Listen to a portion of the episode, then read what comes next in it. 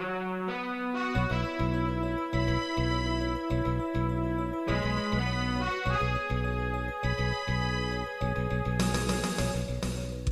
listening to Radio Free Asia. The following program is in Khmer.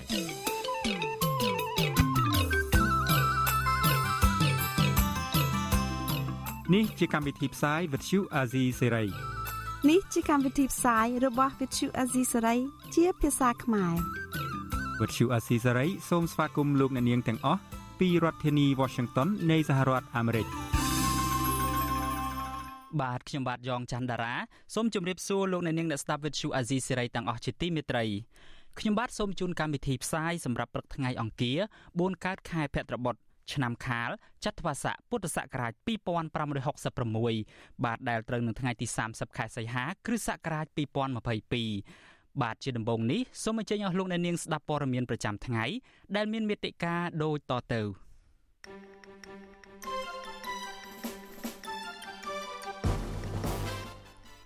សកម្មជនគណៈបកប្រឆាំងលោកញ៉ែមវៀនដែលគេវាយដំឲ្យរងរបួសក្នុងពន្ធនាគារត្រពាំង plong កំពុងធ្លាក់ខ្លួនឈឺធ្ងន់ពលរដ្ឋនិងមន្ត្រីគណៈបកប្រឆាំងរិះគន់រដ្ឋាភិបាលផ្ដាល់បានស្នាក់នៅអចិន្ត្រៃយ៍ដល់ជនអន្តោប្រវេសន៍ ស្ថានទូតហ្វីលីពីនស្នើឲ្យអាជ្ញាធរកម្ពុជារំដោះពលរដ្ឋខ្លួនចេញពីអាគារឃុំឃាំងនៅខេត្តកោះកុងបាទវេទិកាអ្នកស្ដាប់វិទ្យុអាស៊ីសេរីនៅយប់នេះយើងនឹងពិភាក្សាថាតើរដ្ឋាភិបាលលោកហ៊ុនសែនគ្រប់គ្រងទ្រព្យសម្បត្តិជាតិបានត្រឹមត្រូវដល់កម្រិតណារួមនឹងព័ត៌មានសំខាន់ៗមួយចំនួនទៀត។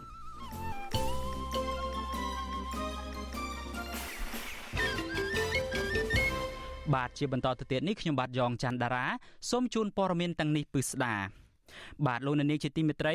សមត្ថកិច្ចខេត្តកោះកុងអះអាងថាជនជាតិហ្វីលីពីនចំនួន4នាក់បានចាក់ចេញពីកន្លែងបង្ខាំងក្នុងអាគារបនលបែងធំមួយស្ថិតនៅទីតាំងក្រុមហ៊ុនចិនគឺ Union D សំទោសបាទគឺក្រុមហ៊ុនចិន Union Development Group ហៅកាត់ថាក្រុមហ៊ុន UDG ក្រោយពីអាជ្ញាធរបានចោះត្រួតពិនិត្យស្រាវជ្រាវតាមសំណើរបស់ស្ថានទូតហ្វីលីពីន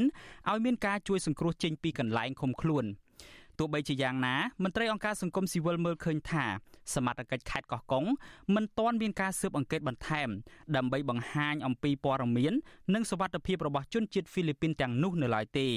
បាទសូមលោកអ្នកនាងស្ដាប់សេចក្តីរាយការណ៍ព័ត៌មាននេះរបស់លោកទីនសាការីយ៉ាដូចតទៅបាទអ្នកនាំពាក្យស្នងការដ្ឋាននគរបាលខេត្តកោះកុងលោកសសារ៉ាត់បញ្ជាក់ប្រាប់វិទ្យុអាស៊ីសេរីនៅថ្ងៃទី30សីហាថា កាលពីដើមខែសីហាស្ថានទូតហ្វីលីពីនពិតជាបានធ្វើលិខិតស្នើឲ្យអាជ្ញាធរថ្នាក់ជាតិជួយសង្គ្រោះជនជាតិហ្វីលីពីនទាំង4នាក់ដែលសង្ស័យថាត្រូវបានគេបង្ខាំងទុកនៅក្នុងអគារបនលបែងមួយស្ថិតនៅក្នុងគម្រោងវិនិយោគរបស់ក្រុមហ៊ុនចិន UDG លោកបញ្ជាក់ថាលិខិតស្ថានទូតហ្វីលីពីនផ្ញើជូនអាជ្ញាធរកម្ពុជាកាលពីថ្ងៃទី8សីហានោះបានបង្ហាញថាពលរដ្ឋហ្វីលីពីនចំនួន4នាក់ត្រូវបានបង្ខាំងនៅជាន់ទី4ក្នុងកាស៊ីណូ Long Bay ស្ថិតនៅក្នុងស្រុកគិរីសាគរហើយគេតម្រូវឲ្យបង់ប្រាក់មួយចំនួនដល់ក្រុមហ៊ុនដើម្បីជាថ្នូវនឹងការដោះលែងចេញពីកន្លែងឃុំឃាំងទោះជាយ៉ាងណាលោកអះអាងថារហូតដល់ថ្ងៃទី21សីហានៅពេលក្រុមសមត្ថកិច្ចចុះស្រាវជ្រាវនៅតំបន់ក្រុមហ៊ុនចិន UDG និងអគារបនលបែងកាស៊ីណូ Long Bay នោះ ពុំឃើញជនរងគ្រោះណាម្នាក់ឡើយក្រោយពេលដែលយើងចុះទៅគឺគាត់បានវិលត្រឡប់ទៅវិញមុនពេលដែលក្រុមការងារយើងចុះទៅដល់ខ្ញុំជម្រាបលោកថាខ្ញុំដឹងត្រឹមប៉ុណ្ណឹងព្រោះអីគាត់វិលត្រឡប់ទៅវិញហើយគេទូខ្ញុំថាគេបង្ខាំងគាត់ឬមួយក៏គេបំពល់ព័ត៌មានអីអានេះខ្ញុំឆ្លើយមិនបានដោយសារអីក្រុមការងារដែលចុះទៅគាត់រាយការណ៍ខ្ញុំបានត្រឹមប៉ុណ្ណឹងថាយើងក្រុមការងារយើងចុះទៅហ្នឹងគឺមិនមានពួកគាត់នៅក្នុងនោះទេគឺគាត់បានវិលត្រឡប់ទៅវិញរួចហើយហើយមានការអំណះអំណាងពីក្រុមហ៊ុនអីច្បាស់លាស់ ទោះជាយ៉ាងណាលោកសសរ៉ាត់អះអាងទៀតថាសមត្ថកិច្ចមិនមានការស្រាវជ្រាវបន្តលើទីតាំងក្រុមហ៊ុនចិននិងជនជាតិហ្វីលីពីនទាំង4នាក់នេះទៀតទេប្រសិនបើគ្មានលិខិតបណ្ដឹងស្នើអន្តរាគមន៍ពីអាជ្ញាធរធនជាតិនិងជនរងគ្រោះវិទ្យុអាស៊ីសេរីមិនអាចតតងអ្នកនាំពាក្យស្ថានទូតហ្វីលីពីនប្រចាំនៅកម្ពុជាដើម្បីស្នើសុំព័ត៌មានផ្ទៀងផ្ទាត់ជំវិញនឹងករណីនេះបានទេនៅថ្ងៃទី30សីហាតំបន់ទីក្រុងរណបឡុងបេគឺជាគម្រោងមួយដែលភាគច្រើនសង់អគារបនលបែងកាស៊ីណូ នៅលើផ្ទៃដីទំហំជាង200ហិកតាគម្រោងក្រុមហ៊ុនចិននេះគឺស្ថិតនៅក្នុងតំបន់ដីជាង45000ហិកតាដែលរដ្ឋាភិបាលលហ៊ុនសែនកាលពីឆ្នាំ2008បានសម្បទានសេដ្ឋកិច្ចទៅឲ្យក្រុមហ៊ុនចិន Union Development Group ដើម្បីសាងសង់ទីក្រុងទេសចរសារព័ត៌មានធំធំរាយការណ៍ជាបន្តបន្ទាប់មកថាអ្នកវិនិយោគជាជនជាតិចិនដែលមកបោះទុនបង្កើតអគារបនលបែងលើគម្រោងឡុងបេនេះមួយចំនួនមានគេឈ្មោះអាស្រ័យជាអក្រិតជននៅប្រទេសចិន ពាក់ព័ន្ធនឹងការបើកបនលបែងឆោបោកជនជាតិចិនម្នាក់មានសញ្ជាតិខ្មែរគឺលោកស៊ីស៊ីជាងដែលត្រូវបានប៉ូលីសថៃចាប់ខ្លួនកាលពីពេលថ្មីថ្មីនេះតាមរយៈដីកាចាប់ខ្លួនរបស់ប៉ូលីសអន្តរជាតិអង់តេប៉ូលពាក់ព័ន្ធនឹងរឿងឆោបោកនិងអំពើពុករលួយជំវិញនឹងរឿងនេះមន្ត្រីសម្របសម្រួលសមាគមអាតហុកខេត្តកោះកុងលោកថងច័ន្ទតារាមានប្រសាសន៍ថាកន្លងទៅតេតងនឹងគម្រោងក្រុមហ៊ុនចិនធំធំនៅក្នុងខេត្តកោះកុងដែលកើតមានរឿងមិនប្រក្រតីតេតងនឹងអំពើជួញដូរមនុស្ស ឬបង្ខាំងមនុស្សនេះលោកកម្រឃើញមានអាជ្ញាធរចុះត្រួតពិនិត្យដើម្បីទប់ស្កាត់អំពើជួញដូរមនុស្សនៅឡើយលោកយល់ថាការអនុវត្តទូនាទីរបស់សមាជិកដោយគ្មានការស៊ើបអង្កេតឲ្យដល់ឬគល់ចំពោះករណីបង្ខាំងមនុស្សនេះដោយសារតែសមាជិកមិនមានអំណាចដល់ក្រុមហ៊ុនចិនទាំងនោះនឹងរងសម្ពាធពីអ្នកមានលុយមានអំណាចដែលឈរកាំងពីក្រោយ។ កញ្ញាដោយសារសមត្ថកិច្ចយើងគាត់ដូចថាមិនបង្រឹងលើការអនុវត្តច្បាប់អីទេបើពីច្រើនអ្នកដែលមកបោះទុនរកស៊ីខុសច្បាប់អានេះតាក់ទងនឹងបញ្ហាជួញដូរនឹងវាច្រើនគាត់ច្រើនមានខ្នងឯកដែលជាខាងកងទ័ពនឹងទីដល់ចឹងទៅការអនុវត្តគាត់មិនទៀនប៉ះទេកន្លែងដែលជាកាស៊ីណូដែលជាធំធំរបស់ចិនហ្នឹងគឺអត់មានសមត្ថកិច្ចណាបង្ក្បែរដើម្បីពុទ្ធនិតអីហ្នឹងទេបាទ ការចាប់ផ្ដើមបង្ក្រាបអំពើជួញដូរនិងឃុំឃាំងមនុស្សជាប់ជាប់គ្នាប្រមាណថ្ងៃមកនេះធ្វើឡើងក្រោយពីស្ថាប័នសារព័ត៌មានអន្តរជាតិបានរាយការណ៍យ៉ាងផុសផុលជាបន្តបន្ទាប់អំពីកំណើនអក្រកម្មចាប់បង្ខាំងជួញដូរមនុស្សនៅកម្ពុជាប្រទេសដែលមានប្រជាពលរដ្ឋជាជនរងគ្រោះនោះមានដូចជាថៃម៉ាឡេស៊ីឥណ្ឌូនេស៊ីចិនវៀតណាមនិងហ្វីលីពីនជាដើមដែលត្រូវបានជួលរំដោះចេញពីកន្លែងឃុំឃាំងនៅកម្ពុជាទោះជាយ៉ាងណាអាជ្ញាធរនៃប្រទេសទាំងនោះលើកឡើងថានៅមានបរិវត្តខ្លួនរាប់ពាន់នាក់ទៀត ដែលត្រូវបានគេឃុំឃាំងនៅកម្ពុជាលោកថងច័ន្ទតារាព្រួយបារម្ភថាបើអាញាធរគ្មានឆន្ទៈទប់ស្កាត់អំពើជួញដូរមនុស្សនេះទេនោះកម្ពុជានឹងក្លាយជាប្រទេសមួយដែលមានកេរ្តិ៍ឈ្មោះកាន់តែអាក្រក់នៅលើឆាកអន្តរជាតិព្រមទាំងធ្វើឲ្យប៉ះពាល់ដល់ការអភិវឌ្ឍប្រទេសជាតិនិងជាការគំរាមកំហែងដល់សន្តិសុខសวัสดิភាពប្រជាពលរដ្ឋខ្មែរធ្ងន់ធ្ងរផងដែរខ្ញុំទីនសាការីយ៉ាអស៊ីសេរីប្រធានីវ៉ាស៊ីនតោន បាទលោកអ្នកនាងជាទីមេត្រីតុលាការនៅទីក្រុងប៉ារីសប្រទេសបារាំងនឹងបើកសវនាការជំនុំជម្រះរឿងក្តីរវាងលោកនាយករដ្ឋមន្ត្រីហ៊ុនសែននិងមេបកប្រឆាំងគឺលោកសំរងស៊ីនៅថ្ងៃប្រហ័សទី1ខែកញ្ញាខាងមុខនេះក្នុងសំណុំរឿងបរិហាកេបាទនេះគឺជាលើកទី1ហើយដែលតុលាការប្រទេសបារាំងបានលើកយកបណ្ដឹងរបស់លោកហ៊ុនសែនប្តឹងលោកសំរងស៊ីមកជំនុំជម្រះ ក៏ប៉ុន្តែដើមបណ្ដឹងគឺលោកនាយរដ្ឋមន្ត្រីហ៊ុនសែនមិនបានទៅតតាំងក្តីនេះដោយផ្ទាល់នោះទេដោយលោកបញ្ជូនមេធាវីបារាំង4រូបគឺជាតំណាងរីឯលោកសំរងស៊ីឯណោះវិញលោកប្រកាសថាលោកនឹងទៅចូលរួមសវនាការនេះរួមទាំងមេធាវីរបស់លោកផង បាទលោកជុនច័ន្ទបុតនឹងរាយការណ៍អំពីដំណើរការក្តីនេះដោយផ្ទាល់ចេញពីតុលាការទីក្រុងប៉ារីសប្រទេសបារាំងបាទសូមលោកអ្នកនាងរងចាំស្ដាប់សេចក្តីរាយការណ៍ពិស្ដាររបស់លោកជុនច័ន្ទបុតអំពីការជំនុំជម្រះរឿងក្តីនេះនាយប់ថ្ងៃប្រហ័សទី1ខែកញ្ញាខាងមុខនេះកុំបីខាន បាទសូមអរគុណ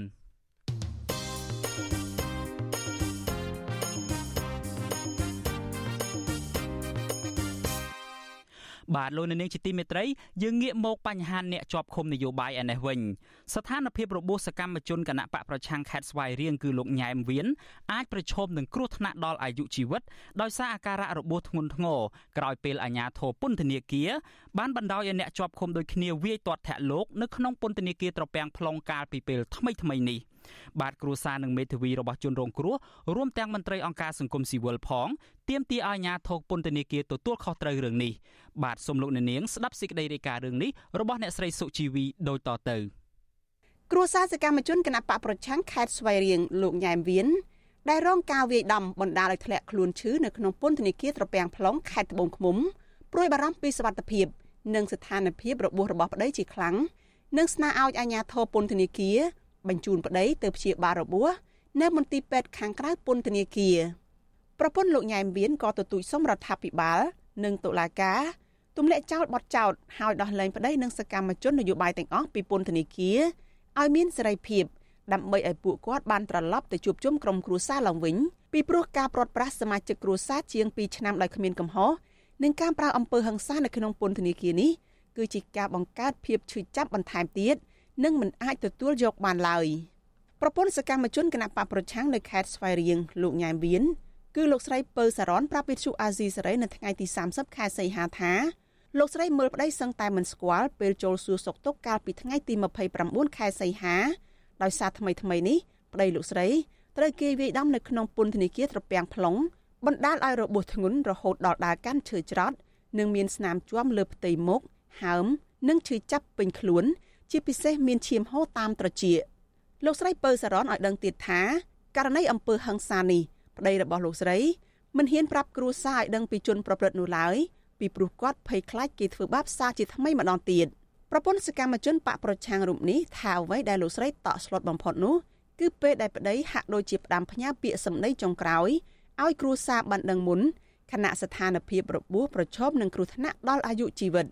ទោះយ៉ាងណាលោកស្រីចាត់ទុកអំពើហិង្សានេះ គឺជាអំពើព្រៃផ្សៃមិនអាចទទួលយកបានឡើយសម្រាប់សកម្មជននយោបាយដែលស្លូតត្រង់តស៊ូនៅក្នុងសង្គមហើយខ្ញុំយំផងខ្ញុំនិយាយនេះផងហើយគាត់ស្ដាប់បានតែពីម្ខាងតែពីម្ខាងថាអត់មានលឺអីទាំងអស់ឥឡូវថាសុំពេទ្យជាបាលដឹងគេឲ្យជាបាលជាខ្ញុំមិនដឹងដល់ថ្នាក់នឹងសោះធ្វើបាបគាត់នឹងខ្ញុំទទួលយំបានហេតុយុទ្ធធัวយុទ្ធធัวខ្លាំងមែនទែនខ្លាំងបំផុតស្រុកខ្មែរ មានរកអីព្រីប្រមាណចំណែកមេធាវីការពារក្តីសកម្មជនគណបកប្រឆាំងលោកសំសុគង្គលោកប្រាក់វិទ្យុអាស៊ីសេរីថាកូនក្តីរបស់លោក3នាក់ក្នុងចំណោម14នាក់ត្រូវបានអ្នកជាប់ឃុំដូចគ្នាវាយធ្វើបាបនៅក្នុងពន្ធនាគារត្រពាំង plong ក្នុងនោះលោកញ៉ែមវៀនទទួលរងការវាយដំធ្ងន់ធ្ងរជាងគេលោកលើកឡើងថាករណីនេះគឺជាកំហុសរបស់មន្ត្រីពន្ធនាគារដែលបណ្ដោយឲ្យមានករណីអំពើហិង្សាទៅលើអ្នកជាប់ឃុំស្ថិតនៅក្រោមការគ្រប់គ្រងរបស់ខ្លួន ដែលធ្វើឲ្យប៉ះពាល់ទៅដល់សិទ្ធិនិងជាការដាក់សម្ពាធលើកូនក្តីរបស់លោកបន្ថែមទៀតលោកសំសុគង្គបញ្ជាក់ថាលោកមិនទាន់សម្រេចដាក់ពាក្យប្តឹងចំពោះជនប្រព្រឹត្តល្មើសនៅឡើយទេព្រោះកូនក្តីរបស់លោកនៅមានការភ័យខ្លាចដោយពួកគេយល់ថានឹងមិនទទួលបានយុត្តិធម៌និងខ្លាចមានការសងសឹកជាដើមទោះយ៉ាងណាលោកថាលោកនឹងព្យាយាមពិគ្រោះយោបល់ពីសិទ្ធិនិងផ្លូវច្បាប់ជាមួយកូនក្តីតទៅទៀតទម្រង់មួយ នៃការប្រហិង្សាបន្ថែមទៅលើទម្ងន់ទោសទៅលើពួកគាត់ថែមទៀតហើយក៏ជាការរំលោភសិទ្ធិអធនធ្ងរទៅដល់អ្នកជាប់ឃុំដែលគាត់ពួកគាត់ជាប់ឃុំត្រូវបានទទួលរងនៅការជួយចាប់មួយហើយប៉ុន្តែថែមនឹងអំពើហិង្សាថែមទៀតកាលពីថ្ងៃទី21ខែសីហាអាជ្ញាធរពន្ធនាគារបានផ្ទេរសកម្មជនគណៈបកសង្គ្រោះជាតិចំនួន14នាក់ពីពន្ធនាគារព្រៃសរក្នុងរាជធានីភ្នំពេញទៅពន្ធនាគារត្រពាំង plong ខេត្តត្បូងឃ្មុំ ជាប់ព្រំដែនវៀតណាមក្នុងចំណោមនោះសកម្មជន3នាក់រួមមានលោកកៅថៃលោកជុំច័ន្ទនិងលោកញ៉ែមវៀនត្រូវបានអាជ្ញាធរពន្ធនាគារបណ្តែតបណ្តោយឲ្យក្រុមបងធំជាប់ឃុំដូចគ្នាវាយទាត់ធាក់ដោយសេរីក្នុងពន្ធនាគារត្រពាំង plong បណ្ដាលឲ្យរបួសធ្ងន់ធ្ងរក្រុមគ្រួសារជនជាប់ឃុំចាត់ទុកករណីនេះថាជាការដាក់ទណ្ឌកម្មនិងជាការធ្វើទុកបុកម្នេញផ្នែកនយោបាយដែលធ្វើឲ្យពួកគាត់កាន់តែឈឺចាប់ថែមទៀត វិទ្យុអាស៊ីសេរីមិនអាចតកតណែនាំពីអគ្គនាយកដ្ឋានពន្ធនាគារលោកនុតសាវណ្ណាដើម្បីបញ្ជាក់ជុំវិញរឿងនេះបានទេនៅថ្ងៃទី30ខែសីហារហូតមកដល់ពេលនេះអាជ្ញាធរពន្ធនាគារនៅមិនទាន់បង្ហាញលទ្ធផលនៃការស្រាវជ្រាវដោយដំណាភាពដើម្បីយកជនដៃដល់និងអ្នកពាក់ព័ន្ធមកទទួលខុសត្រូវនៅឡើយទេជុំវិញរឿងនេះអ្នកនាំពាក្យសមាគមការពារសិទ្ធិមនុស្សអាត6លោកសឹងសានករណាមានប្រសាសន៍ថាពន្ធនាគារមិនមែនជាទីកន្លែងសម្រាប់ប្រព្រឹត្តអំពើទរណកម្មអមនុស្សធម៌ លើរូបរាងកាយជនជាប់ឃុំណាម្នាក់នោះទេលោកយល់ថាប្រសិនបើជនរងគ្រោះមិនហ៊ានផ្ដល់ព័ត៌មានឲ្យគ្រួសារប៉ុន្តែពួកគេគួរតែពិភាក្សាជាមួយមេធាវីការពារក្តីដាក់ពាក្យប្តឹងតាមនីតិវិធីលោកសឹងសែនករណាថាអាញាធរពន្ធនាគារត្រូវទទួលខុសត្រូវនៅក្នុងរឿងនេះដោយបើកការស៊ើបអង្កេតឲ្យបានត្រឹមត្រូវដើម្បីចាត់វិធានការលើជនបង្កហិង្សា និងកុំឲ្យអំពើបែបនេះកើតឡើងនៅក្នុងពន្ធនាគារទៀត ករណីនេះគឺជាការបន្ថែមទៅលើការរិះគន់កន្លងមកហើយវាជារូបភាពមួយកាន់តែបង្ហាញក្នុងឆាកអន្តរជាតិកាន់តែអាក្រក់ទៅយើងកាន់តែមានការព្រួយបារម្ភក្នុងនាមយើងជាពលរដ្ឋខ្មែរមួយរូបយើងអត់ចង់ឃើញកម្ពុជាយើងនៅក្នុងស្ថានភាពនៃការរំលោភសិទ្ធិមនុស្សហើយនិងសិទ្ធិនយោបាយនេះនៅតែបន្តធ្លាក់ចុះទេលោកញ៉ែមវៀនអាយុ68ឆ្នាំគឺជាសមាជិកគណៈកម្មាធិការប្រតិបត្តិនៃគណៈបកសង្គ្រោះជាតិខេត្តស្វាយរៀង ក្រោយមានការរំលាយគណៈបកប្រឆាំងកាលពីឆ្នាំ2017លោកក៏ដូចជាសកម្មជនផ្សេងទៀតដែរបានរត់ភៀសខ្លួនទៅប្រទេសថៃមួយរយៈដើម្បីគេចវេះពីការធ្វើទុកបុកម្នេញពីសំណាក់មន្ត្រីរបស់គណៈបកកាន់អំណាចទោះបីជាស្ថានភាពនយោបាយរដ្ឋបិទក៏ដោយក៏លោកនៅតែបន្តសកម្មភាពនយោបាយជាមួយគណៈបកប្រឆាំងរហូតដល់អាជ្ញាធរខេត្តស្វាយរៀងចាប់ខ្លួនដោយសារតែលោកគាំទ្រដំណើរវិលចូលស្រុកវិញរបស់លោកសំរងស៊ីកាលពីខែវិច្ឆិកាឆ្នាំ2019 តែលោកមានសេរីភាពវិញនៅក្រៅព្រឹត្តិការណ៍ពេលនោះលោកញ៉ែមវៀនត្រូវបានអាជ្ញាធរចាប់ខ្លួនម្ដងទៀតកាលពីដើមខែសីហាឆ្នាំ2020តុលាការរាជធានីភ្នំពេញបានផ្តន្ទាទោសលោកដាក់ពន្ធនាគារចំនួន5ឆ្នាំពីបទរួមគំនិតក្បត់គ្រួសារលោកញ៉ែមវៀនកោតទោសចំពោះអំពើហិង្សាលើប្តី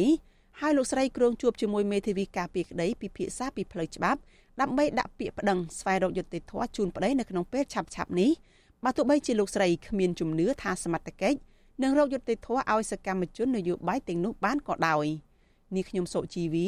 វិទ្យុអាស៊ីសេរីពីរដ្ឋធានី Washington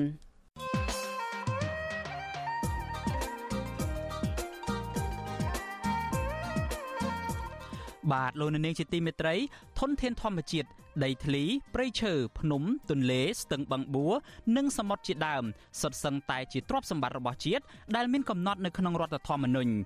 រដ្ឋាភិបាលមានកាតព្វកិច្ចចាត់ចែងឲ្យមានផែនការច្បាស់លាស់នៅក្នុងការគ្រប់គ្រងធនធានទាំងនេះ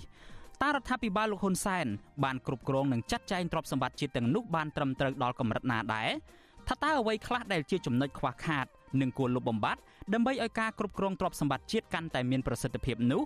បាទសូមលោកអ្នកនាងរងចាំស្ដាប់នីតិវេទិកាអ្នកស្ដាប់វិទ្យុអាស៊ីសេរីរបស់យើងនៅក្នុងពេលបន្តិចទៀតនេះបាទលោកអ្នកនាងអាចចូលរួមបញ្ចេញមតិយោបល់ឬសាកសួរវាគ្មិនកិត្តិយសរបស់នីតិយើងដោយដាក់លេខទូរស័ព្ទរបស់លោកអ្នកនាងនៅក្នុងខ្ទង់ comment Facebook ឬ YouTube របស់វិទ្យុអាស៊ីសេរីក្រុមការងាររបស់យើងនឹងហៅទៅលោកអ្នកនាងវិញ បាទសូមអរគុណ thank you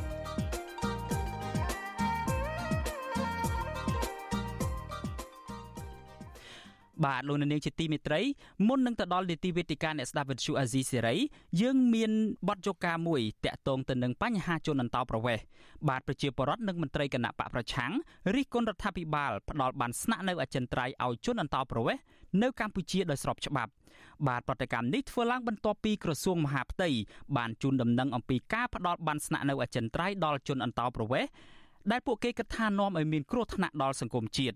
បាទមន្ត្រីអង្គការសង្គមស៊ីវិលយល់ថារដ្ឋាភិបាលមិនគួរលើកទឹកចិត្តដល់ជនអន្តោប្រវេសន៍ច្រើនពេកនោះទេពីព្រោះវាអាចប៉ះពាល់ដល់សន្តិសុខជាតិបាទសូមលោកអ្នកនាងស្ដាប់សេចក្តីរាយការណ៍នេះរបស់លោកមានរិទ្ធដូចតទៅ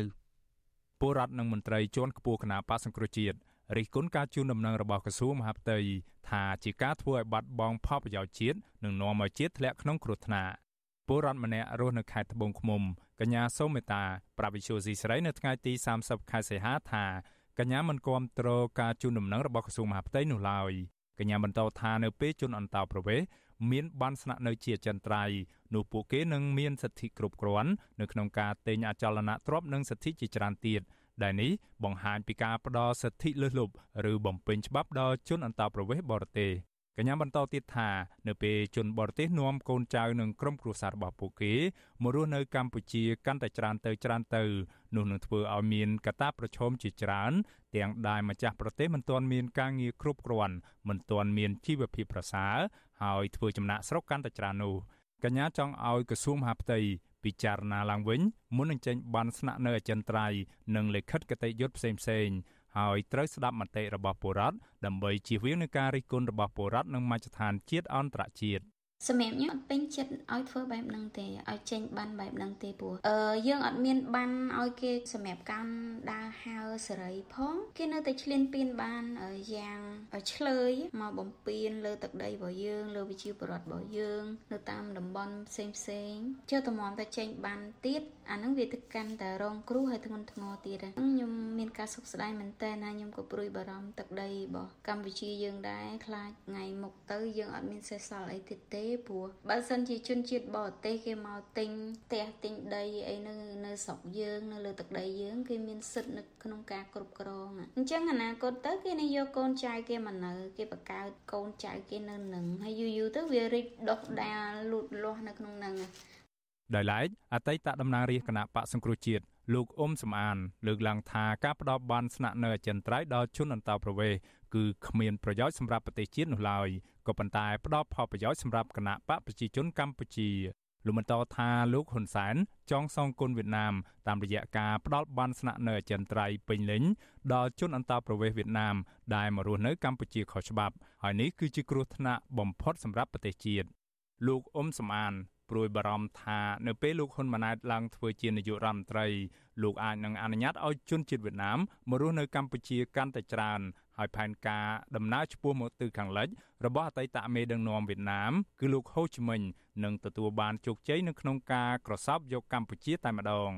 បន្ថែមពីលើនេះលោកអ៊ុំសមានបញ្ជាក់ថាជនជាតិចិនក៏ជាចំណែកមួយដែលប៉ះពាល់ដល់សន្តិសុខសន្តិភាពរបស់សង្គមកម្ពុជាសប្តាហ៍ថ្ងៃដែរតាមរយៈអំពើជួញដូរមនុស្សការបាញ់បោះដោយសេរី ការបំផ្លិចបំផ្លាញធនធានរ៉ែនិងធម្មជាតិរបស់ខ្មែរ ហើយលោកថានៅពេលដែលក្រសួងមហាផ្ទៃផ្ដល់សិទ្ធិរស់នៅជាចិនត្រៃដល់ជនបរទេសទាំងនោះគឺនឹងប៉ះពាល់ដល់សង្គមជាតិកាន់តែខ្លាំង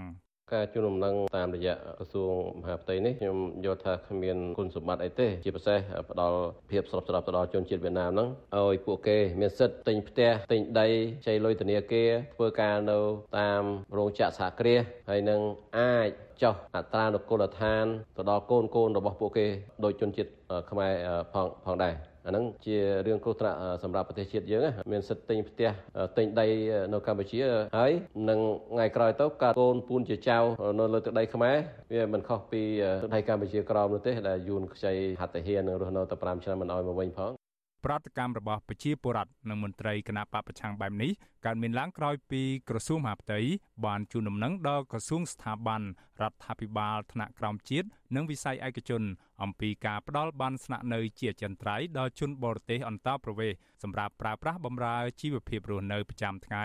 ដូចជាការស្នើសុំសេវារដ្ឋបាល សេវាសាធារណៈសេវាសុខភាព សេវាធនាគារការទិញលក់អចលនទ្រព្យ ការធ្វើអាជីវកម្មការស្នើសុំធ្វើការងារតាមរោងចក្រសហគ្រាសនិងសកម្មភាពមួយចំនួនទៀតដែលច្បាប់អនុញ្ញាតសម្រាប់ជនបរទេសកាលពីថ្ងៃទី29ខែសីហា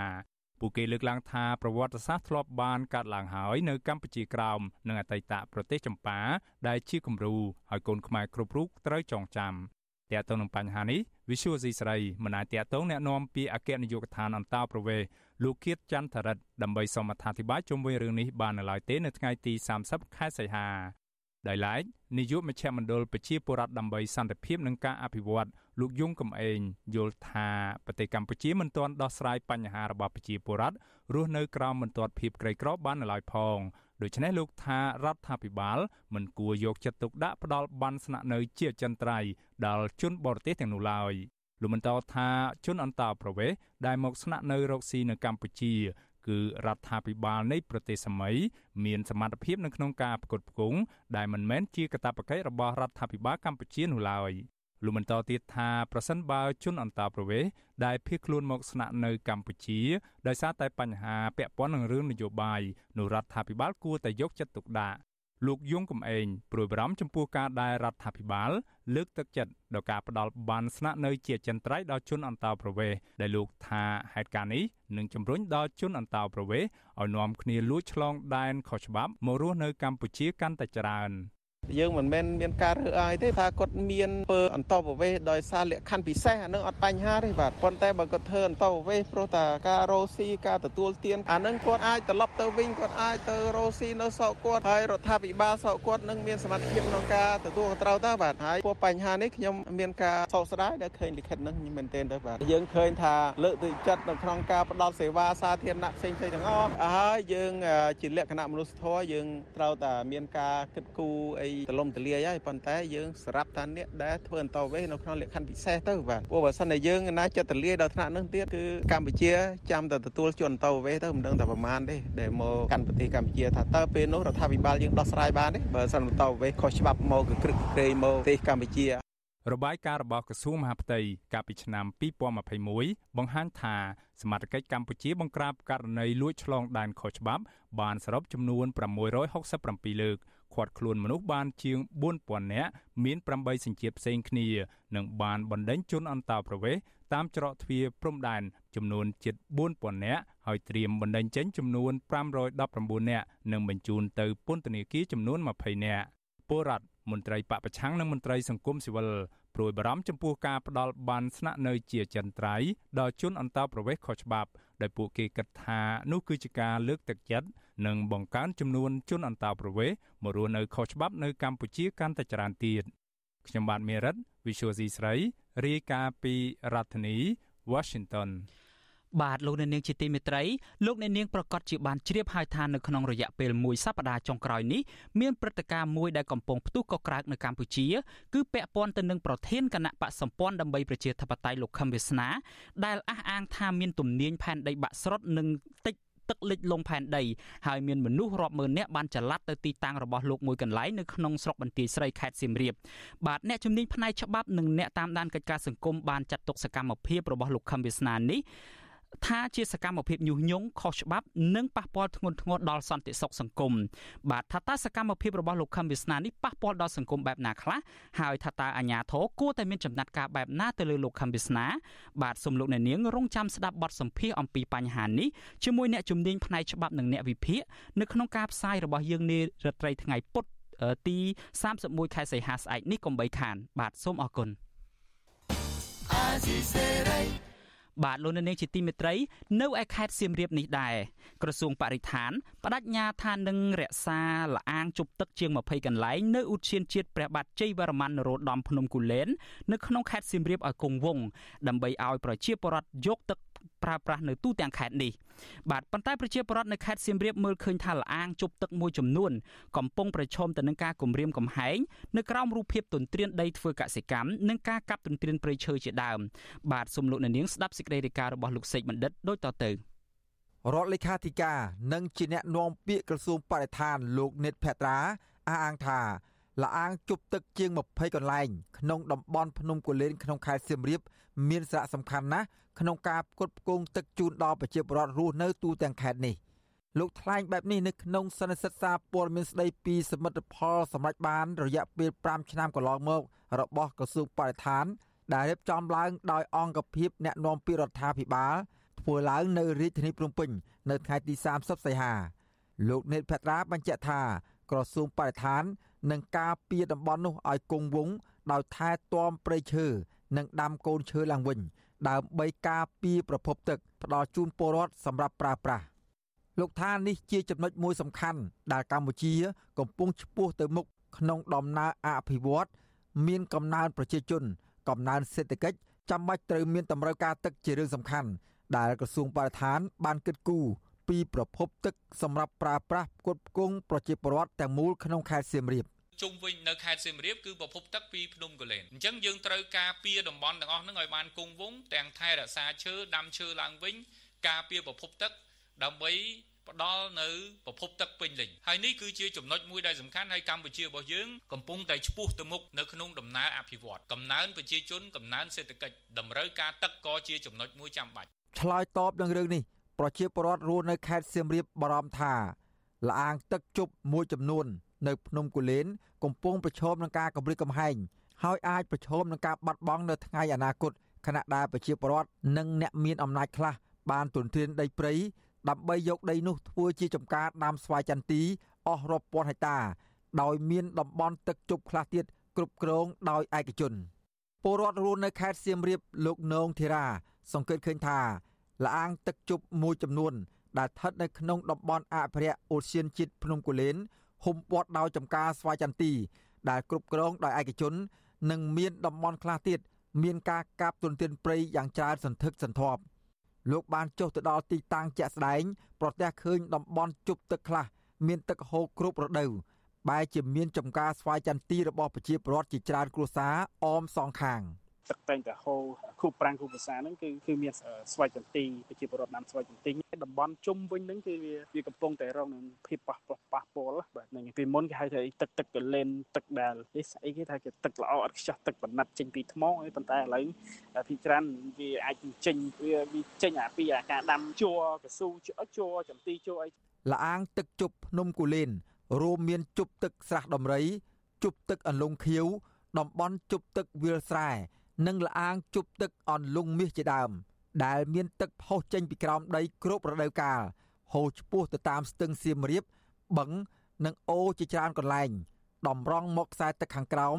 អំណោយផលកបប្រសើរដល់ពលរដ្ឋរាប់ម៉ឺនគ្រួសារដែលត្រូវទាញយកទឹកមកប្រើប្រាស់ធ្វើកសិកម្មគ្រប់រដូវកាលមិនចេះរីងស្ងួត ជាពិសេសតាក់ទាញភ្ញៀវទេសចរនិងបង្កើតប្រព័ន្ធអេកូឡូស៊ីជាដើម។ សកម្មជនបរិស្ថាននៃចលនាមេដាធម្មជាតិលោកថនរដ្ឋាមិនទាន់ជឿលើការបញ្ញាចិត្តរបស់ក្រសួងសម័យទាំងស្រុងនោះនៅឡើយទេហើយពួកលោកនឹងតាមដានរឿងនេះដោយយកចិត្តទុកដាក់លោកបញ្ជាក់ថាពួកលោកនឹងចុះទៅស្រាវជ្រាវប្រមូលព័ត៌មានពីស្ថានភាពលអាងជប់ទឹកទាំងអស់នៅភ្នំគូលែននិងពិនិត្យមើលពីប្រសិទ្ធភាពការងាររបស់ក្រសួងបរិស្ថានតើអនុវត្តបានកម្រិតណា ហើយបើសិនជាមានភាពប្រក្រតីឬក៏យើងសង្កេតទៅឃើញថាវាគ្រាន់តែជាការបដិញ្ញាចិត្តតែនៅនឹងមាត់ហើយសកម្មភាពចាក់ស្ដែងអត់មានឬក៏មានរងនៃការបំផ្លាញណាមួយដែលយើងមើលឃើញហើយយើងនឹងព្យាយាម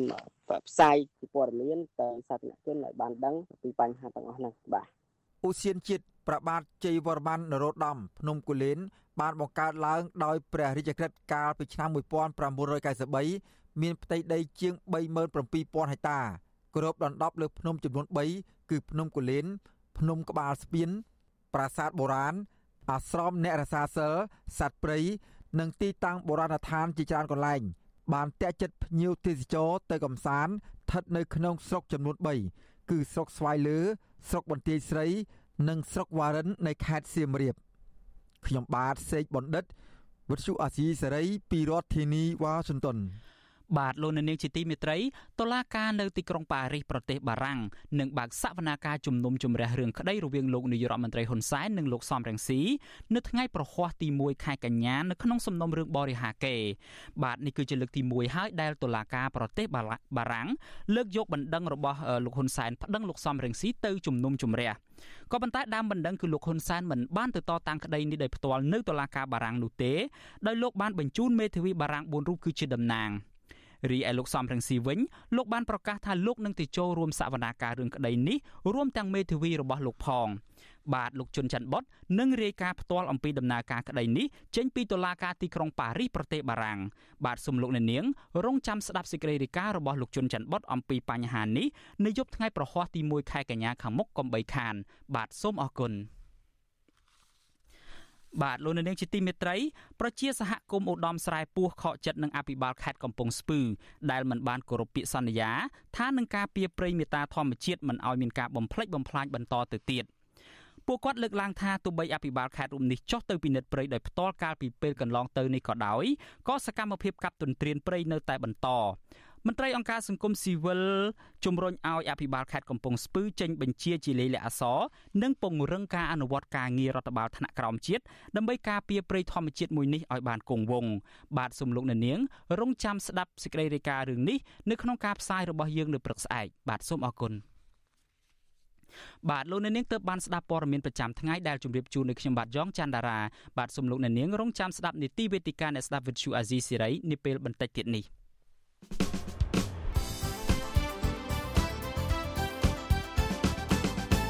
បាទលោកនាងជាទីមេត្រីនេះជាវេទិកាអ្នកស្ដាប់វិទ្យុអាស៊ីសេរី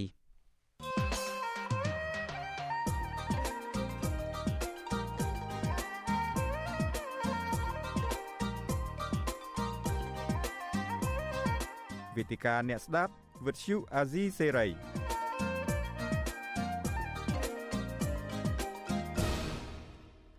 បាទលោកនៅនាងជាទីមេត្រីនីតិវេទិកាអ្នកស្ដាប់វិទ្យុអាស៊ីសេរីរបស់យើងនាយប់នេះគឺយើងនឹងជជែកទៅលើប្រធានបទថាតើរដ្ឋាភិបាលកម្ពុជាគ្រប់គ្រងទ្រព្យសម្បត្តិរបស់ជាតិបានត្រឹមត្រូវនិងមានប្រសិទ្ធភាពបានដល់កម្រិតណាបាទនៅក្នុងកម្មវិធីរបស់យើងនេះយើងមានវាគ្មិនចំនួន3រូបអញ្ជើញចូលរួមគឺពីររូបមកពីប្រទេសកម្ពុជានិងមួយរូបទៀតនៅឯសហរដ្ឋអាមេរិកអ្នកទាំង3នោះមានដូចជាលោកអ៊ុំសំអានលោកជាអតីតតំណាងរាជគណៈបកសង្គ្រោះជាតិលោកប៉ាក់សុផាន់ដែលជានាយកប្រតិបត្តិអង្គការពន្លកខ្មែរហើយនិងលោកហេងចំហុងដែលលោកគឺជាប្រធានកម្មវិធីស្រាវជ្រាវនិងតស៊ូមតិនៃសមាគមបណ្ដាញយុវជនកម្ពុជាហៅកាត់ថា CYN ឥឡូវនេះខ្ញុំបានឃើញវាគ្មិនទាំង3រូបហើយខ្ញុំខ្ញុំសូមជម្រាបសួរវាគ្មិនពីចម្ងាយបាទ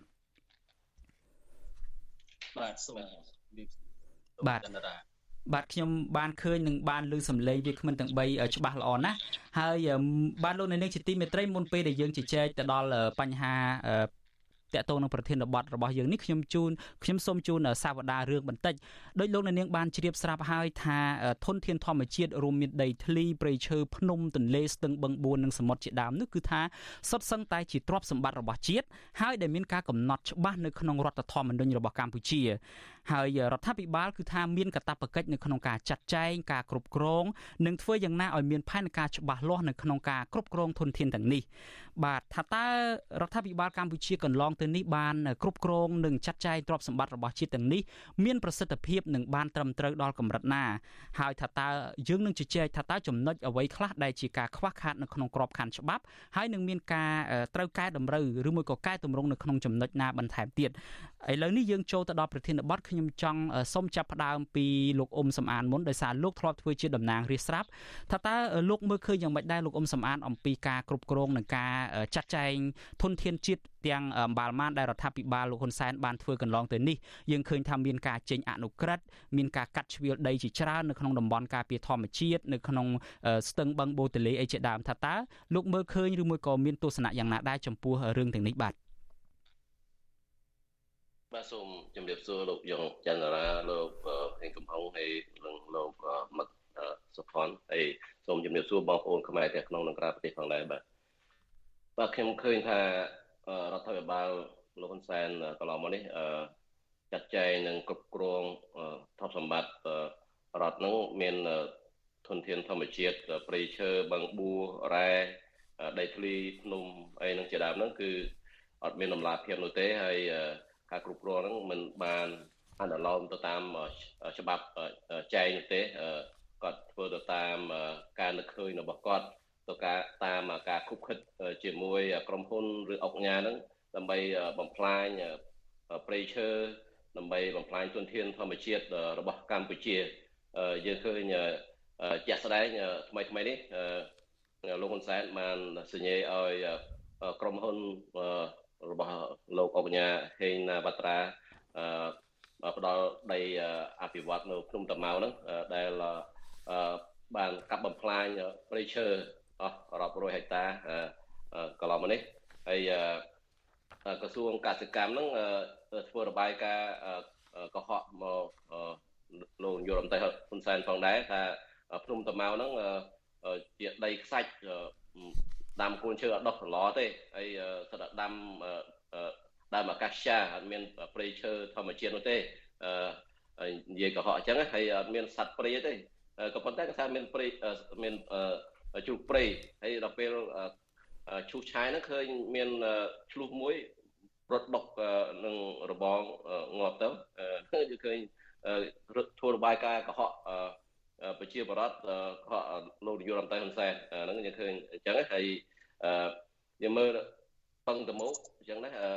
បឹងតមោកហ្នឹងលោកនាយករដ្ឋមន្ត្រីហ៊ុនសែនធ្លាប់សន្យាជាមួយអ្នកចម្រៀង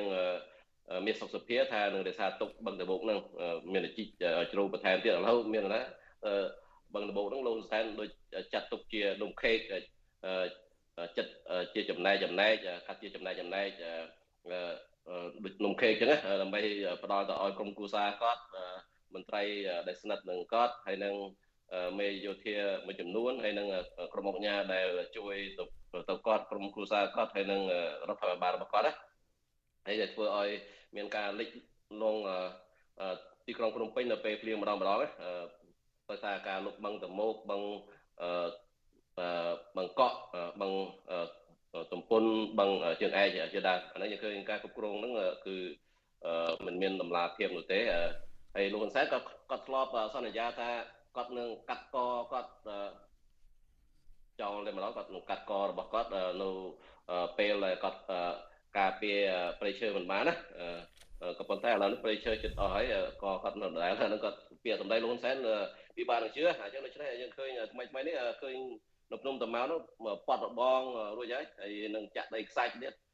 យើងមិនហ៊ានសន្និដ្ឋានយ៉ាងណាទេប៉ុន្តែប្រជាប្រដ្ឋតាមដានតទៅទៀតគឺមានមួយចំនួនគេថាគេពាត់របងកុំអោយគោចូលស៊ីអញ្ចឹងណាបើយើងឃើញការដាំឈើដាំកូនឈើកន្លែងជាច្រើនដែលឃើញពាត់របងផងហេតុអីបាននៅភ្នំតាម៉ៅនោះខុសគេខុសឯងអញ្ចឹងអានោះទី1ទី2ហេតុអីมันត្រូវដាំកូនឈើចាក់ដីខ្សាច់អាហ្នឹង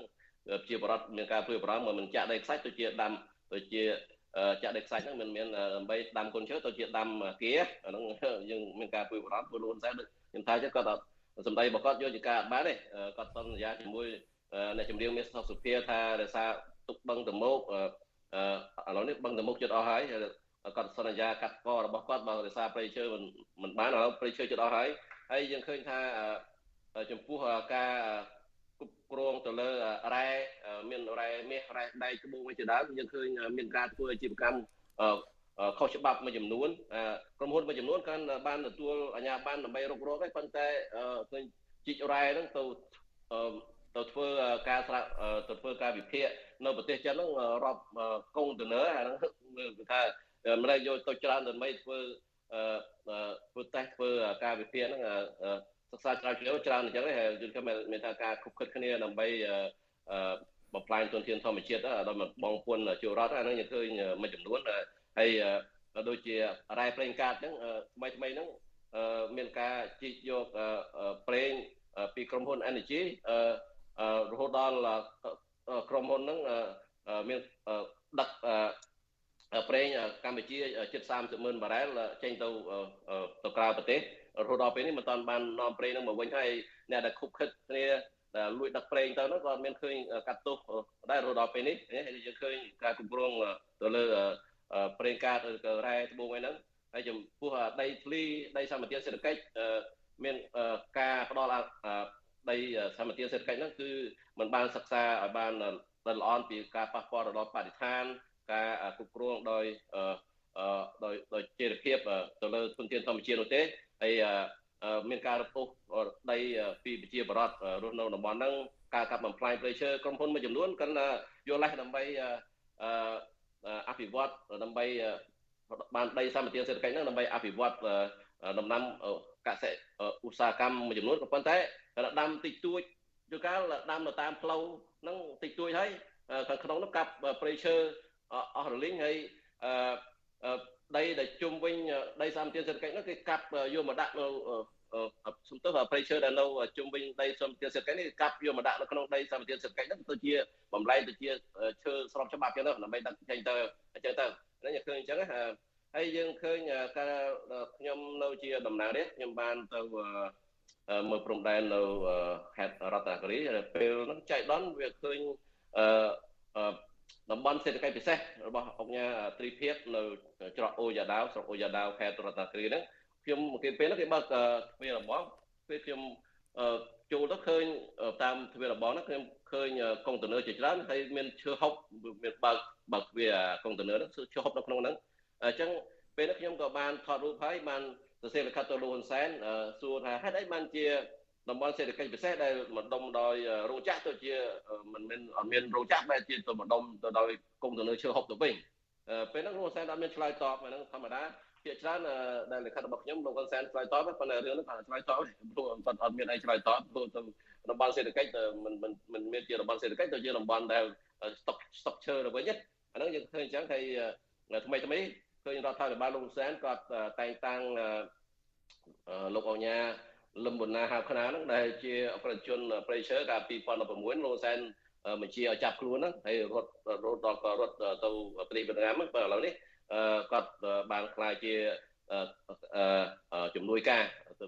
បានតែងតាំងជាជំនួយការលោកនាយករដ្ឋមន្ត្រីហ៊ុនសែនទៅវិញហើយលោកអង្គញាលឹមបណ្ណាហ្នឹងធ្លាប់ជួយទៅដល់ក្រុមគូសារលោកហ៊ុនណេសាងសង់ផ្ទះឲ្យលោកហ៊ុនណេដល់លោកលោកហ៊ុនណេខូចខូចទៅគាត់ក៏ចាប់យកលោកហ៊ុនសែនជាជាខ្នងមកឯងទៅវិញបាទ បាទលោកអ៊ុំសំអានខ្ញុំនឹងត្រឡប់មកកាន់លោកវិញឥឡូវនេះខ្ញុំចង់ងាកមកលោកប៉ាក់សុភ័ណ្ឌវិញដោយសារលោកប៉ាក់សុភ័ណ្ឌលោកធ្លាប់បានធ្វើការងារជាច្រើនឆ្នាំនៅក្នុងបញ្ហាដីធ្លីនិងសិទ្ធិជនជាតិដើមភាគតិចហើយលោកក៏បានដឹងដែរអំពីបញ្ហាដែលកើតឡើងតាក់ទងទៅនឹងការគ្រប់គ្រងធម្មជាតិជាពិសេសរឿងដីសម្បត្តិសេដ្ឋកិច្ចជាដើមចំពោះលោកប៉ាក់សុភ័ណ្ឌវិញថាតើលោកមើលឃើញយ៉ាងណាដែរពីព្រោះបើតាមលោកអ៊ុំសំអាននឹងការគ្រប់គ្រងធនធានធម្មជាតិកន្លងមកហ្នឹងគឺអត់មានតម្លាភាពទេហើយហាក់ដូចជាធ្វើឡើងទៅតាមការនឹកឃើញរបស់ប្រមុខរដ្ឋាភិបាលទៅវិញថាតើលោកប៉ាក់សុភ័ណ្ឌលោកមានទស្សនៈបែបណាវិញបាទបាទសូមអរគុណលោកយ៉ាងច័ន្ទរាហើយនឹងសូមជម្រាបសួរដល់លោកអ៊ុំសំអានហើយនឹងលោកកំហុងបាទ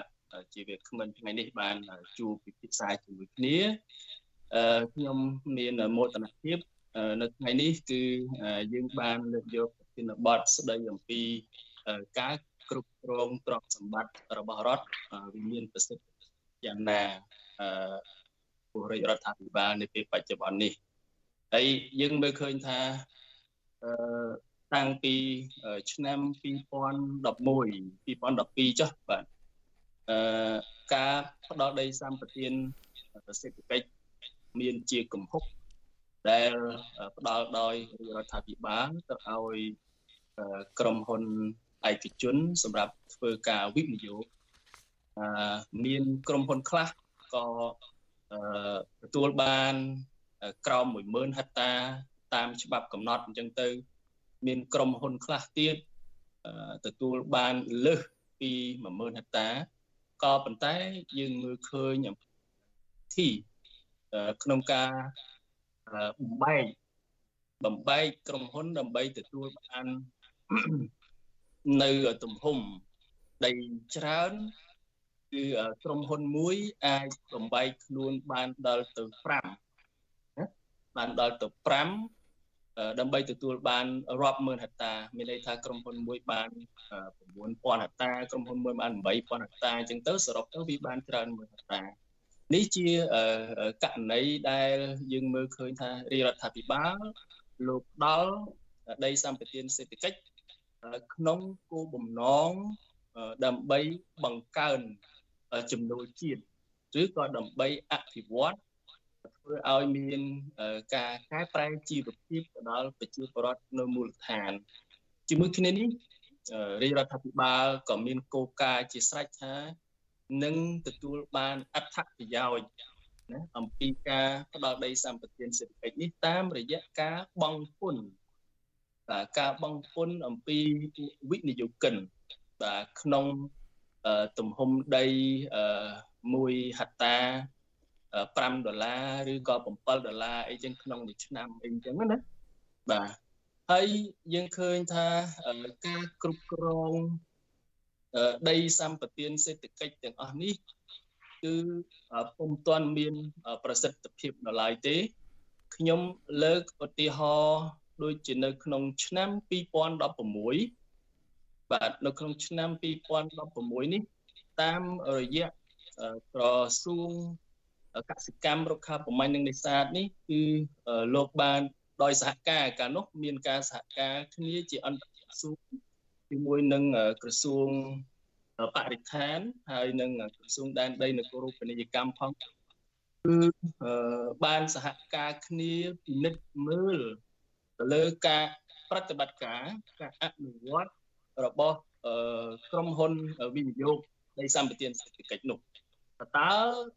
ការវិនិយោគនោះវាមានប្រសិទ្ធភាពណាវាមានប្រសិទ្ធផលបានដល់កម្រិតណាអញ្ចឹងក្រុមការងាររបស់អន្តរក្រសួងក៏បានពិនិត្យឃើញថា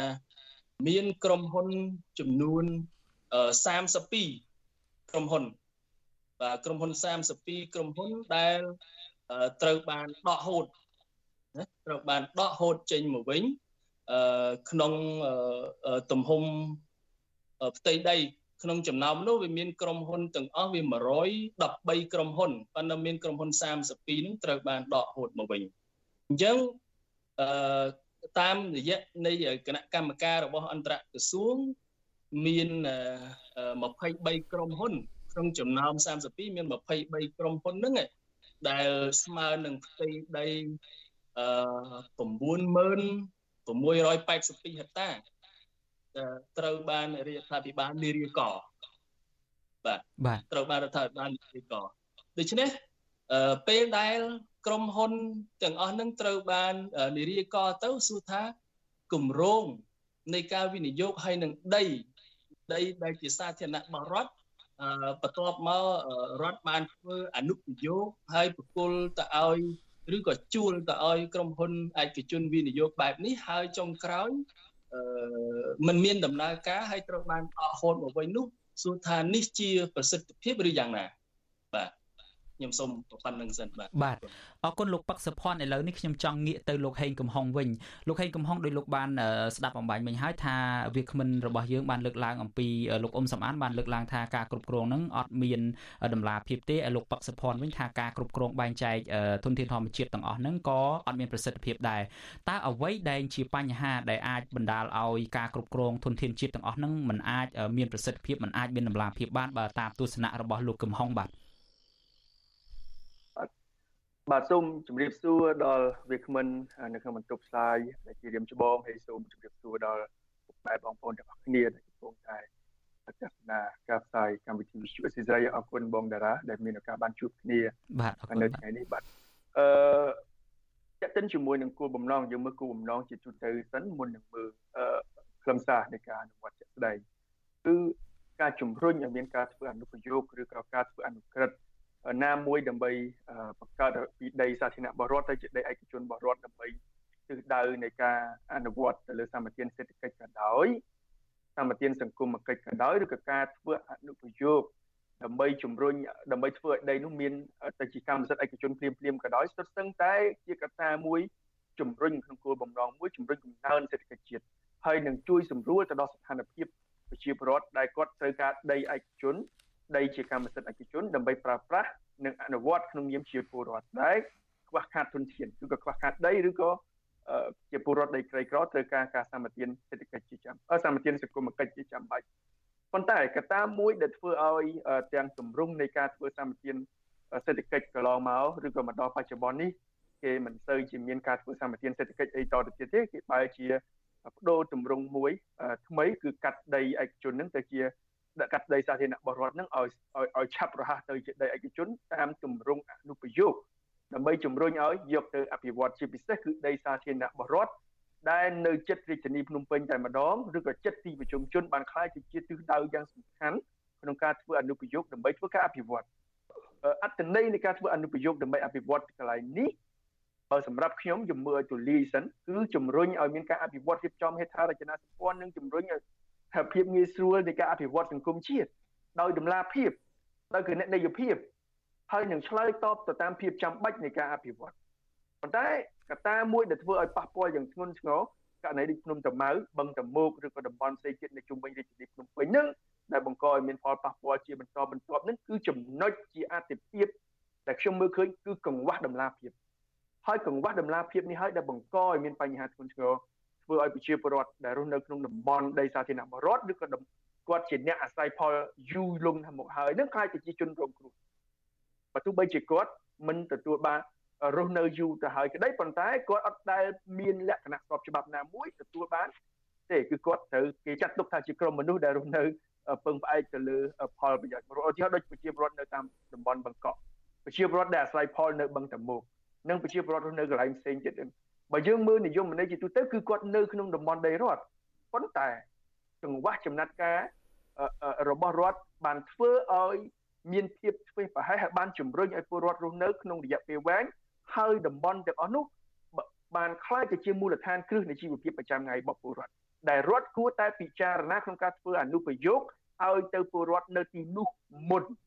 ប្រសើរជាជាងចោតប្រកាន់ថាពួកគាត់រស់នៅដីសាធារណៈរបស់រដ្ឋ ហើយដកហូតដីសាធារណៈបរដ្ឋចោតប្រកាន់គាត់1 2 3អូអ្នកឯងនៅដីសាធារណៈបរដ្ឋត្រូវចេញភ្លាមអីមិនអាចនៅបានទេដីនេះដីរដ្ឋទេមិនមែនដីអ្នកឯងនេះអត់ទៅមើលច្បាប់ទេគាត់នៅតាំងពីឆ្នាំមុនឆ្នាំ2001ច្បាប់ភូមិបាលកើតឆ្នាំ2001ហើយដល់ពេលដែលអញ្ចឹងអត់ព្រមសេវេសវ៉ាក្នុងការផ្ដល់ឯកផ្ដល់កម្មសិទ្ធិឲ្យគាត់ដើម្បីសម្រួលទៅដល់ជីវភាពប្រចាំថ្ងៃហើយធ្វើការខ្វៀលនិងត្រួតពិនិត្យថាតំបន់ណាគួរអភិវឌ្ឍមិនគួរអភិវឌ្ឍទេគឺឲ្យតែចង់បានតែចោតប្រជាពលរដ្ឋដែលអាស្រ័យផលនៅទីនោះ ដែលរស់នៅទីនោះហើយចាប់ទុកគាត់ជាអ្នកខុសច្បាប់បណ្ដេញចេញហើយប៉ុន្តែសុទ្ធដីនោះយកទៅណាយកទៅធ្វើអនុប្រយោគឬក៏យកទៅឲ្យក្រុមហ៊ុនឯកជនដដែលនេះគឺជាចំណុចខ្វះខាតមួយដែលតាក់ទងជាមួយនឹងកង្វះតម្លាភាពហើយខ្វះការពិភាក្សាកន្លែងនេះអាចមានកត្តាពីរកត្តាមិនចង់ដោះស្រាយឬក៏កង្វះព័ត៌មានពីមន្ត្រីថ្នាក់ក្រោមជាតិដែលចង់បានតំបន់នោះទៅជាកម្មសិទ្ធិរបស់ក្រុមណាមួយលឿនពេកអត់មានការពិគ្រោះ យោបល់វែងឆ្ងាយអត់មានការពិភាក្សាហើយផ្ដល់ព័ត៌មានមួយដោយដោយឈរលើទលហេកតែមួយគត់គឺអ្នករស់នៅទីនោះខុសច្បាប់ប៉ុន្តែផ្ទុយទៅវិញតើពលរដ្ឋនៅពីពេលណាហើយច្បាប់ស្ដីពីភូមិបាលនៅពេលណាហើយរហូតដល់ច្បាប់ស្ដីពីការគ្រប់គ្រងនិងចាត់ចែងទ្រព្យសម្បត្តិរបស់រដ្ឋនឹងមាននៅពេលណាយើងទៅគិតមើលកត្តាទាំងអស់នេះហើយពលរដ្ឋធ្លាប់បានកម្ពុជារដ្ឋធម្មនុញ្ញឆ្នាំ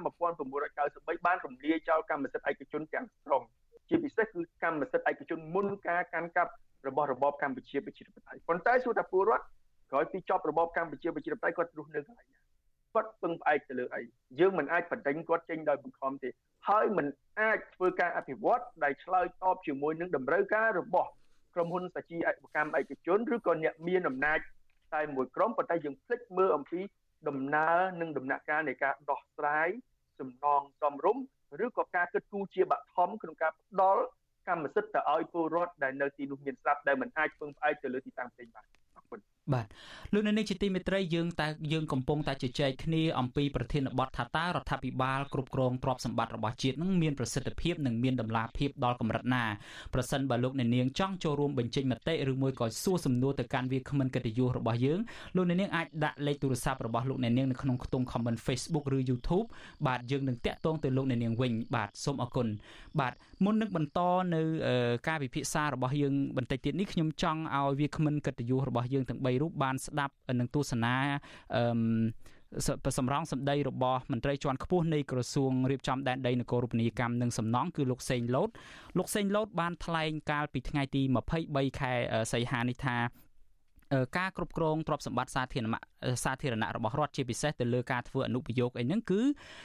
មានតម្លាភាពមានការផ្ដល់ព័ត៌មានមានអីចឹងជាដើមហើយនៅក្នុងរូបភាពជាការដែលអភិវឌ្ឍហើយដូច្នេះសូមលោកនាងស្ដាប់ ប្រសាសន៍របស់លោកសិនមុននឹងយើងបន្តការពិភាក្សារបស់យើងទៀតនឹងបាទហើយអនុប្រយោគមួយចំនួនទៀតអនុប្រយោគមកជា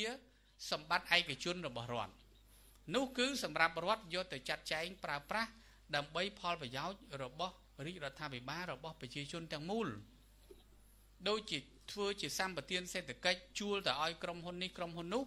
ដើម្បីបានផលប្រយោជន៍យកមកសម្រាប់សង្គមជាតិរបស់យើង ហើយបើឲ្យខ្ញុំបោកម្ដងថ្ងៃនេះខ្ញុំមកនេះនិយាយត្រង់ទៅហ្មងអត់បានបោក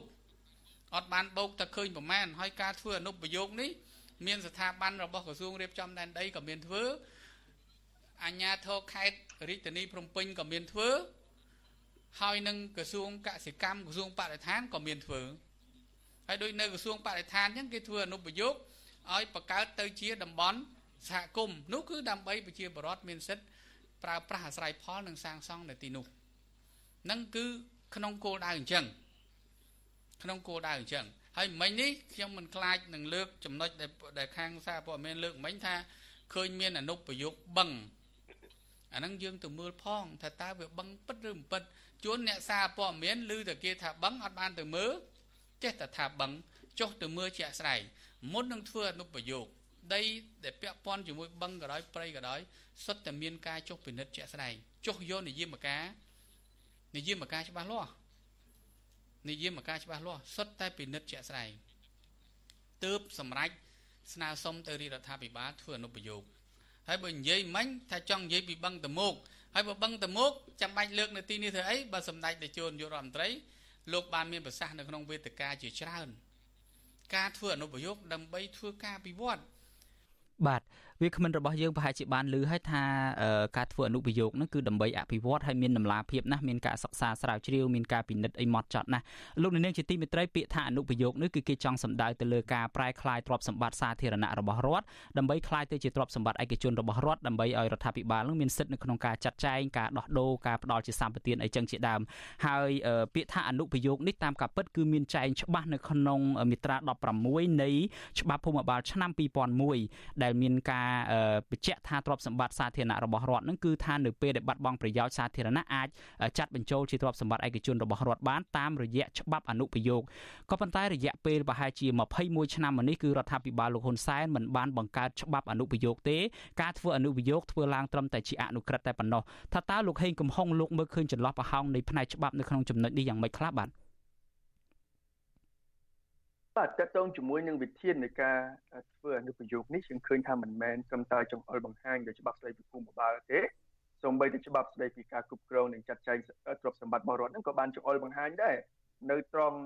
នៅត្រង់មាត្រា27ចំណុចចំណុចទី